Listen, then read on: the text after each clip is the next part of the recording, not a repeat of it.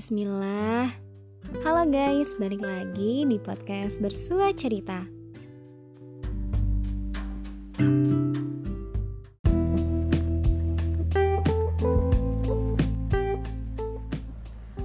Nah, kita lanjut nih ke pertanyaan berikutnya Mar, gimana caranya tahu kalau he is the one?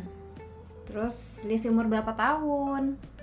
Kenapa kamu bisa yakin sama dia? Ini uh, pertanyaan yang wajar ya dia dikirim ke aku karena kita belum kenal sama sekali gitu ya. Jadi bukan temen bukan apa pokoknya benar-benar dari nol gitu. Kayak pertanyaan ini juga perlu uh, kamu jawab juga ya. Karena hmm. masa dari pihak cowok tuh kayak gimana sih? Untuk memantapkan hati kalau pihak cewek kayak gimana? Mungkin ada beberapa pertimbangan yang berbeda gitu ya kalau dari cowok sih kita melihatnya dari empat hal. Itu juga berdasarkan hadis. Kalau aku juga kemarin ngeliatnya kayak gitu. Jadi yang aku lihat yang pertama adalah agamanya. Seperti apa sih uh, agamanya Maria tuh gitu kan? Pemahamannya seperti apa? Kemudian dari amalan-amalnya seperti apa gitu. Nah sebenarnya kalau kemarin itu Mas Ilham ini nggak nanyain secara langsung ya. Mungkin karena perantara kita itu adalah ustazahku di Solo nah itu mungkin jadi pertimbangan juga. Maksudnya bisa ditanyakan ke ustazahku juga gitu. Karena waktu ngaji sama beliau kan juga kita laporan tuh amal yaumi gitu-gitu. Betul. Nah habis uh, agamanya lanjutlah kita ke keturunannya. Dia tuh keluarganya seperti apa sih gitu kan? Orang tuanya seperti apa? Saudara-saudaranya seperti apa karena lingkungan tuh berpengaruh banget ya apalagi Betul. yang dari kita lahir sampai sekarang itu pasti akan mempengaruhi cara berpikir kita, cara bertindak, cara etika gitu kan. Nah dalam kita berdoa itu sebenarnya nggak cuma kita minta pasangan yang baik gitu ya, tapi juga minta punya mertua yang baik gitu, punya keluarga uh, besan yang baik, mm, keluarga besan yang baik kayak gitu. Nah setelah dilihat dari keluarganya, kemudian yang kita lihat berikutnya apa? Kita lihat baru fisiknya. Fisiknya seperti apa sih? Ini kan dilihat juga kan ketika kita ketika ngirim CV itu juga dikirim foto full badinya jadi kita bisa lihat tuh fisiknya seperti apa tingginya seperti apa kemudian paras wajahnya seperti apa dan lain sebagainya. Karena kan kita dituntut untuk melihat ini apa sih? Fitur-fitur apa sih fitur itu maksudnya entah matanya yang hmm. cantik, entah hidungnya yang mancung, entah bentuk wajahnya yang memikat kita gitu ya. Supaya ketika kita lihat itu kita makin jatuh cinta. Biar nantinya ketika kita sudah menikah kita bisa mendapatkan mawadahnya itu loh rasa cinta yang tumbuh antara laki-laki dan perempuan yang berpasangan ketika ya melihat fisiknya ketika berhubungan kayak gitu tapi meskipun ini alasan syari jadi jangan menjadikan ini alasan kamu pengen punya pasangan yang aduh aku pengen punya pasangan kayak Lee Min Ho gitu ya atau yang ceweknya kayak uh, Chelsea Islan apa siapa gitu ya yang cantik banget gitu Iya betul, karena kan sebenarnya kita melihatnya bukan dari fisiknya aja, tapi kan dikombinasikan dengan hal-hal lain lainnya. Mm-hmm. Kita di poin-poin sebelumnya, keluarganya seperti apa, kondisi keimanannya atau uh, apa namanya pemahaman agamanya seperti apa mm. gitu gitu. Nah setelah kita melihat parasnya, barulah kita melihat hartanya. Nah kalau harta tuh kalau menurutku, uh, kalau untuk mencari seorang uh, istri itu hanya hanya bonus gitu ya. Dalam artian itu bukan satu hal yang dicari-cari gitu. Karena kan kita, hmm. karena aku kan sebagai sebagai seorang laki-laki nanti atau sebagai seorang suami adalah yang bertugas untuk menafkahi. Sehingga hmm. untuk harta seorang istri itu ya ya hanya sebagai bonus aja, bukan sesuatu yang dicari-cari gitu. Hmm Nah di hadis itu kan meskipun bilangnya itu carilah wanita yang seperti ini ini gitu kan. Tapi ini kan hadis juga berlaku untuk wanitanya. Jadi ketika kita melihat mempertimbangkan seorang laki-laki itu harus seperti apa. Nah kalau untuk ini kan penting ya buat kita.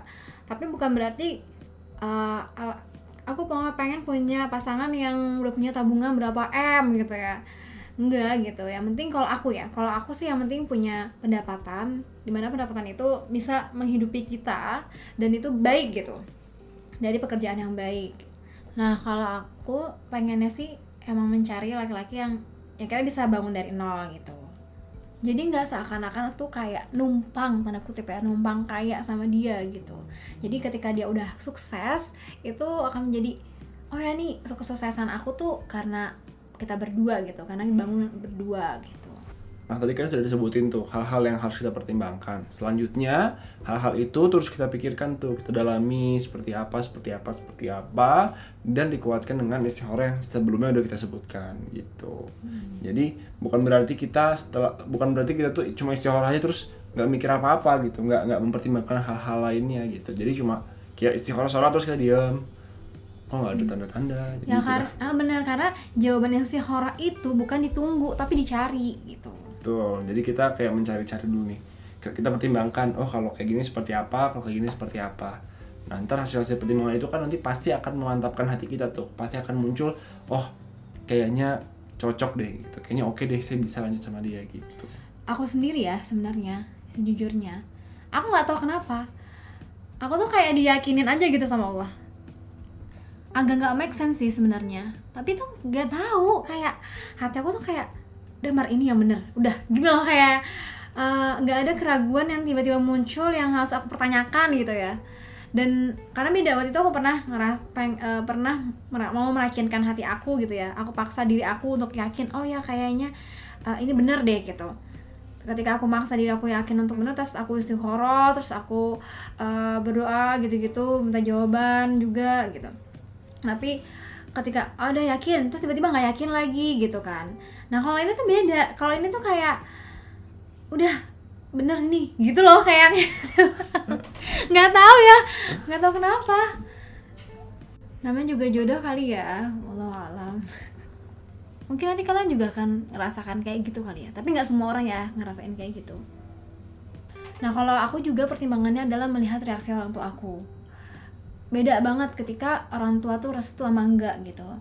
Nah pas eh, orang tua aku dapet CV kamu tuh kan tahu nih usianya lebih muda. Nah eh, dulu waktu kuliah aku pernah nanya bi kalau misalkan Maria sama yang lebih muda gimana? Terus abiku abiku tuh kayak jawabnya eh, janganlah paling enggak yang seumuran gitu. Nah makanya ketika kamu CV itu datang terus uh, ustaz aku bilang ini lebih muda dua setengah tahun lagi ya. Terus uh, aku 96 dia 99 gitu.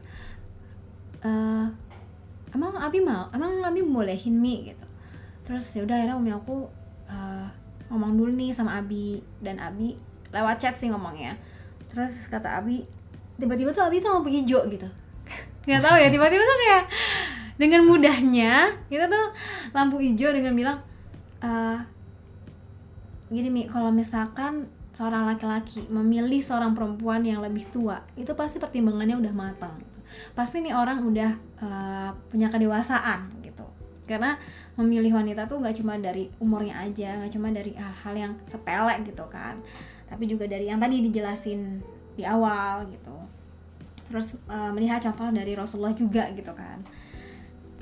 Nah dari situ aku langsung kayak "Hah, kenapa nih? Gitu kan kayak langsung pikir apa apa ini ya gitu kan. Terus ya udah akhirnya pas setelah istiqoroh itu kan aku juga lanjut bilang lanjut ke Umi kan. Ya kami oke Mi insya Allah Maria mau lanjut sama Ilham gitu. Terus respon Umi aku tuh kayak senang banget gitu. Emang sih lewat chat lewat WA tapi tuh kelihatan ketikannya tuh kayak alhamdulillah titik titik titik tanda seru tanda seru gitu. Alhamdulillah semoga dilancarkan ya mbak prosesnya kayak gitu. Jadi orang tuh tuh kayak senang banget gitu kayak kayak ketimpa durian runtuh gitu. Kayak dapat kamu tuh. Sakit dong. sakit. Pokoknya tuh kayak eh, respon orang tua yang aku ngelihat respon Om Abi yang kayak seneng banget terus kayak eh, gitulah kayak restunya tuh ada gitu jadi eh, mungkin ini memang yang terbaik gitu Amin, amin. amin Nah, sekarang kita lanjut ke pertanyaan berikutnya. Itu pertanyaan tentang persiapan eh, hitbah dan persiapan akad juga walimah. Nah, kalau misalkan persiapan persiapan ini kalau kemarin aku tuh lebih apa ya sebagai supportnya Maria aja karena untuk yang mempersiapkan segala macamnya itu eh, dari pihaknya keluarga Maria gitu.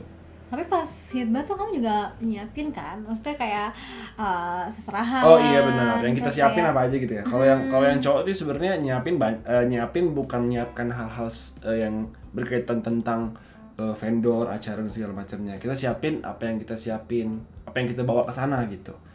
Misalkan kalau untuk pas hitbah dulu deh pas ya, dulu. saat pas hitbah, pas hitbah tuh aku bawa apa sih? Aku bawa aku mempersiapkan seserahan dan juga cincin waktu itu.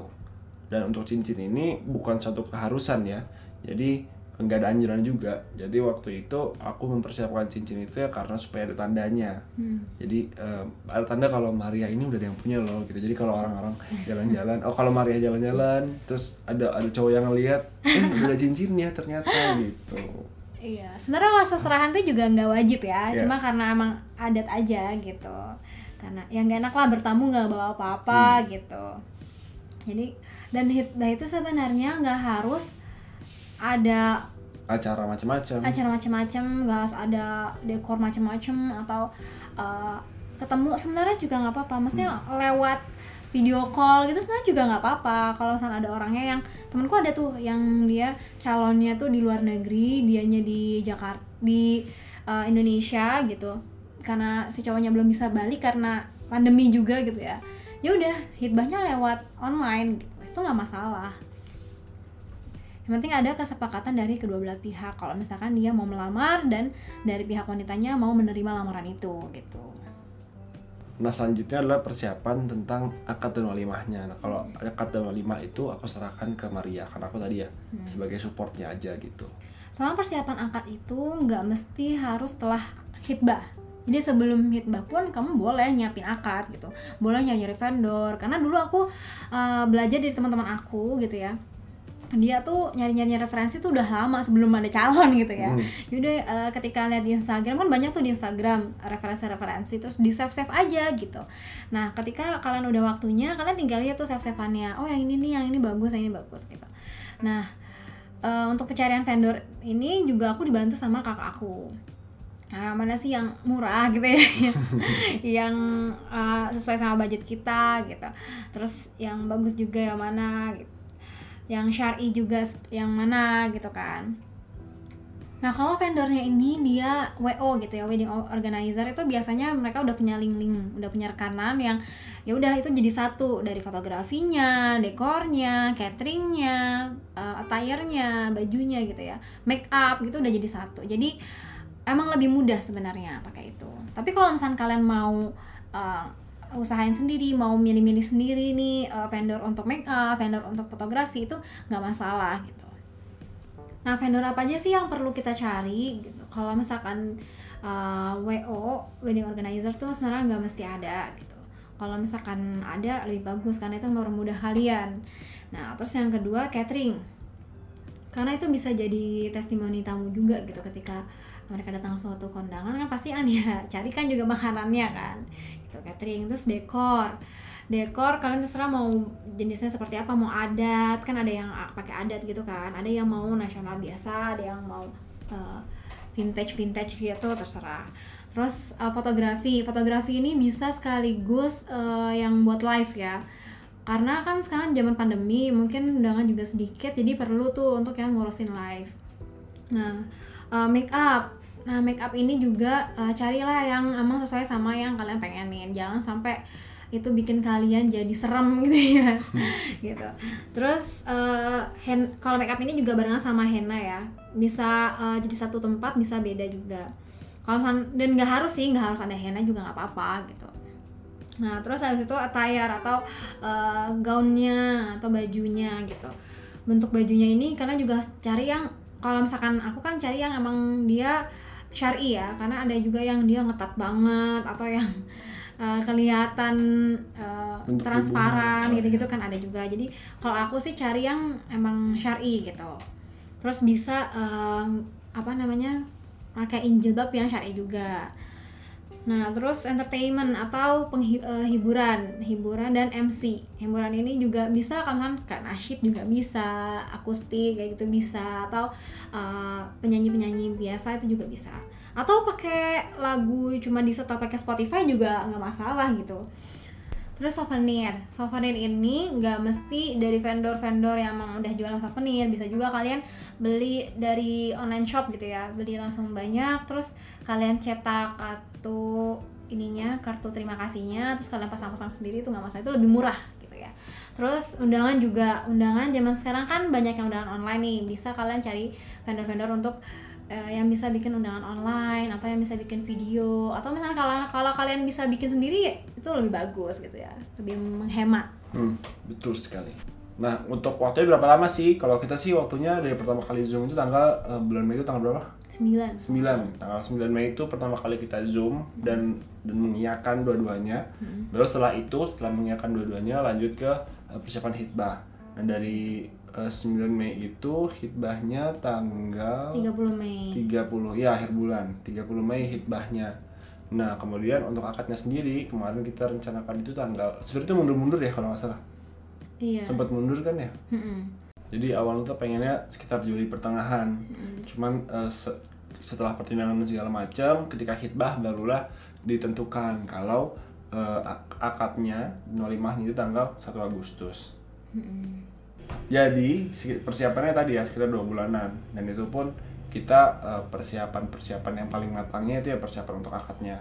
Mm-mm. Kenapa? Karena dulu sebenarnya pengen ada walimahan juga ya.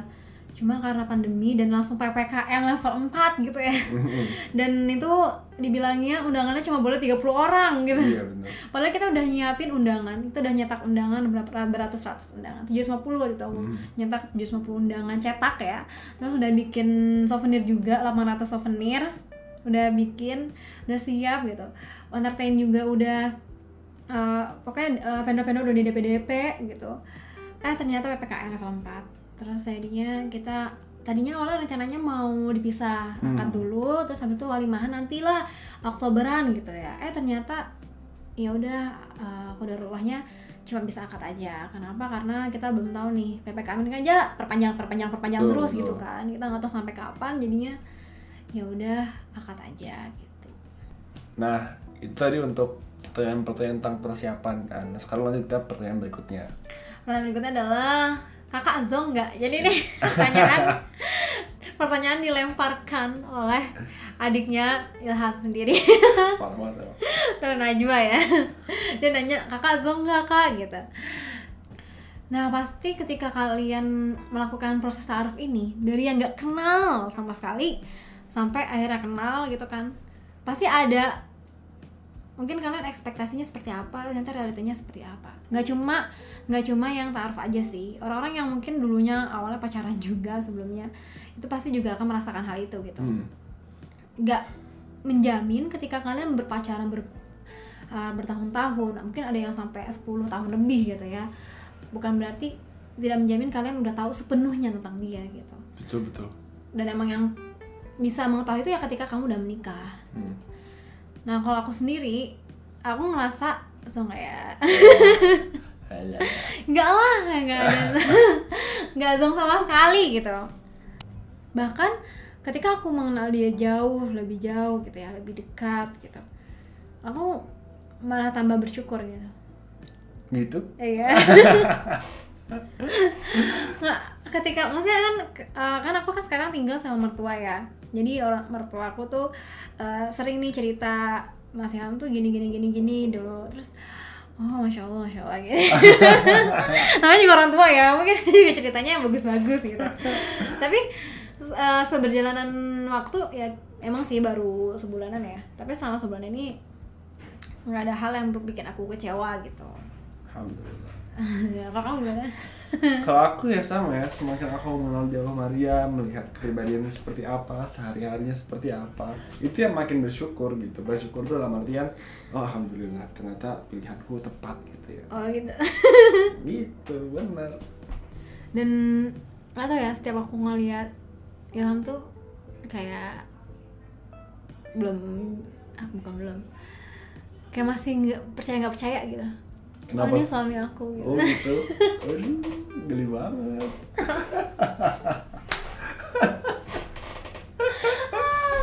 kayak ngerasa kayak ini bener gak sih suami aku gitu kayak masih nggak percaya gitu ya Allah Allah tuh baik banget ngasih skenario yang indah gitu ngasih dengan cara yang indah gitu dan apa ya doa doa semua doa doa aku tuh kayak diijabah gitu sama Allah meskipun ada juga yang aku tuh nggak merasa berdoa gitu cuma kayak membayangkan cuma kayak eh pengen deh kayak gini pengen kayak gini eh ternyata Allah beneran kasih gitu Hmm. kayak gimana apa coba contohnya Apa? Kamu doain kan? Oh, iya. Kamu. Aku tahu, kan aku tahu. Cuma aku pengen komen cerita. Oh gitu. Kalau dulu tuh aku dulu waktu aku SMA gitu zaman-zaman remaja gitu ya. Enggak sih kuliah juga pernah sih. Ya aku pernah nonton ya video ada orang nikah orang bule sih bule gitu. Kalau bule kan cowoknya yang berdiri di altar gitu ya? Hmm. ya. Nah, terus ceweknya datang tuh sama ayahnya. Cowoknya tuh nangis gitu ketika ceweknya datang gitu. Terus aku tuh kayak ya ampun aku pengen deh kayak gitu. Maksudnya tuh ketika itu cowoknya tuh nangis menunggu kedatangan aku gitu. Waduh, waduh, waduh. kayak terharu gitu. Terus aku mikirnya ah apa bisa ya kalau dengan taaruf kayak gini? Karena kan nggak kenal ya. Hmm. apakah bisa gitu eh ternyata bisa gitu. Jadi ketika ketika aku datang gitu masuk ke ruang akadnya itu eh, dia tuh kayak kayak mengus mengusap mata gitu kan. Terharu kamu terharu emang? Iya, terharu lah. kenapa terharu? Ya gini loh, kan aku apa ya istilahnya mempersilahkan seorang wanita Hmm. yang nggak aku kenal gitu kan itu datang untuk di kehidupan aku gitu. Hmm. dan ternyata sosok yang wanita yang aku nggak kenal ini parasnya tuh seperti bidadari. Waktu itu udah ada rasa cinta belum? Rasa cinta itu tumbuh. Itu udah ada benih-benih gitu loh. Oh benih-benih udah ada. Oh gitu. Tinggal dipupuk nah pupuknya itu. Dan nggak tahu kenapa ya meskipun kita nggak kenal ya maksudnya baru baru kenal kata taaruf itu ketika pertama kali megang tangan Mas Ilham tuh kayak kan salim dulu ya waktu itu Hmm. pertama kali salim terus eh, dia doain di kening gitu. Terus eh, saling pegangan tangan dua-dua ke kedua tangan gitu. Nggak ada rasa yang kayak stranger. Iya stranger. Kayak aku kayak udah kenal dia deket gitu. Bener. Emang gitu, oh gitu Iya. juga kayak nggak ada rasa gemeter gitu loh. Gemeter tuh maksudnya ya langsung aja gitu langsung hap gitu. Ada kayak cicak ya Hap. terus eh, dulu aku juga pernah ngelihat pernikahannya kakak tingkat aku. Jadi kakak tingkat aku tuh eh, suaminya hafiz gitu kan. Nah ketika pernikahan suaminya bacain surat ar-rahman. Hmm. Aku aku lupa sih itu untuk eh, mahar atau bukan Hmm. cuma waktu itu aku ih ya Allah masya Allah pengen deh kalau misalnya aku nikah suami aku juga baca ayat Qur- ayat Quran gitu apa aja sih nggak harus ar-rahman gitu. tapi aku juga mikirnya ah nggak tapi nggak aku nggak mau itu jadi mahar kenapa kan karena ketika uh, aku sekolah pranikah uh, mahar yang baik itu adalah ketika maharnya itu bisa dipakai. Bisa digunakan. Bisa digunakan. ya berbentuk Bermanfaat. lah. gitu uh, fisiknya gitu. Betul. Uh, kalau misalkan ayat Quran kan uh, itu kayak pilihan terakhir lah sebenarnya. Ketika ada ada kisah ya kisah sahabat Rasulullah yang mau menikahi seseorang terus dia nggak punya apa-apa ya udah sama Rasulullah ya udah dengan hafalanmu gitu kan. Nah ketika itu sebelum nikah uh, Ilham tuh pernah bilang uh, ada boleh nggak dikasih waktu sedikit untuk apa? Untuk baca Ar-Rahman gitu. Ini mau buat apa gitu kan? Terus buat kado pernikahan ya? Hmm, Buat kado bukan, bukan sebagai pernikahan, mahal, bukan sebagai gitu, mahal. sebagai hadiah. Nah soalnya dia suka ah masya allah gitu kayak impian aku yang dulu aku tuh nggak berdoa supaya ya allah semoga aku pengen punya pengen waktu nikah ada yang baca soal rahman gitu. Aku tuh nggak berdoa kayak gitu tapi allah tiba-tiba ngasih gitu. Hmm. kayak ya allah masya allah banget ya terus apa lagi ya banyak deh pokoknya yang aku pengen suami aku kayak gini eh pengen deh nanti kalau misalkan nikah gini gini gini terus ternyata dikabulin gitu. Ya aku nggak bisa jawab nggak bisa nyebutin satu-satu ya karena banyak banget gitu. Nah tapi kalian jangan berkecil hati ketika kalian ekspektasinya gini terus ternyata realitanya kayak gini itu enggak. Karena dalam pernikahan itu pasti ada naik turunnya gitu. ada plus minusnya lah gitu. Nggak semuanya indah-indah gitu. Hmm. meskipun orang bilang kalau dalam menikah itu yang enaknya tuh cuma 20% 80 persennya? Enak banget. Katanya tuh gitu kan. Cuma ya pasti ada uh, berantem berantemnya dikit lah wajar gitu ya. Karena kan itu dua kepala gitu. Nggak mungkin sama semua terus gitu. pendapatnya. Uh, pasti ada lah. Ada uh, saling berargumen. Ya cuma tadi ya ya harapannya adu argumen itu bakal memperkuat juga gitu. Mm-mm. bisa jadi malah memperkuat jadi buat bahan pembelajaran kita aja gitu. Betul. jangan jadikan itu beban. Jadikan itu proses untuk menjadi lebih baik jadi Hmm. keluarga yang lebih tangguh gitu ya. Betul. Jadi kesimpulan dari Q&A ini. Apa sayang? Kakak tawa kesimpulannya adalah eh, ketika kita sudah punya niat yang baik gitu kan sudah punya eh, tujuan yang baik. tujuan yang baik mulailah dengan sesuatu yang baik juga gitu. Dimulai dengan cara yang baik juga gitu. Karena ketika kita memulai satu hal yang dengan baik maka di situlah ada keberkahan dari Allah Subhanahu Wa Taala. Mm, karena keberkahan itu pun juga nggak cuma ketika setelah menikah aja tapi sebelum menikah juga. Betul. Nah, cukup sekian. Apa sih closing cuma apa ini kamu udah gantian closingnya Ya udah, eh, kita sudah berada di penghujung podcast kali ini. Ini part 2 ya. Kalau yang belum dengar part satunya bisa tonton di episode 11 part 1 dan ini part 2-nya ya semoga apa yang kita bicarakan ini semuanya jelas kepada teman-teman juga. Semoga bisa menjadi inspirasi teman-teman. Eh, yang baik-baik itu datang dari Allah dan yang salah-salah itu datang dari kita. dan kalau misalnya yang salah please bilang aja ke kita bisa lewat IG bisa lewat WA juga karena itu menjadi bahan pembelajaran buat kita ya udah kita pamit ya Dadah. Dadah.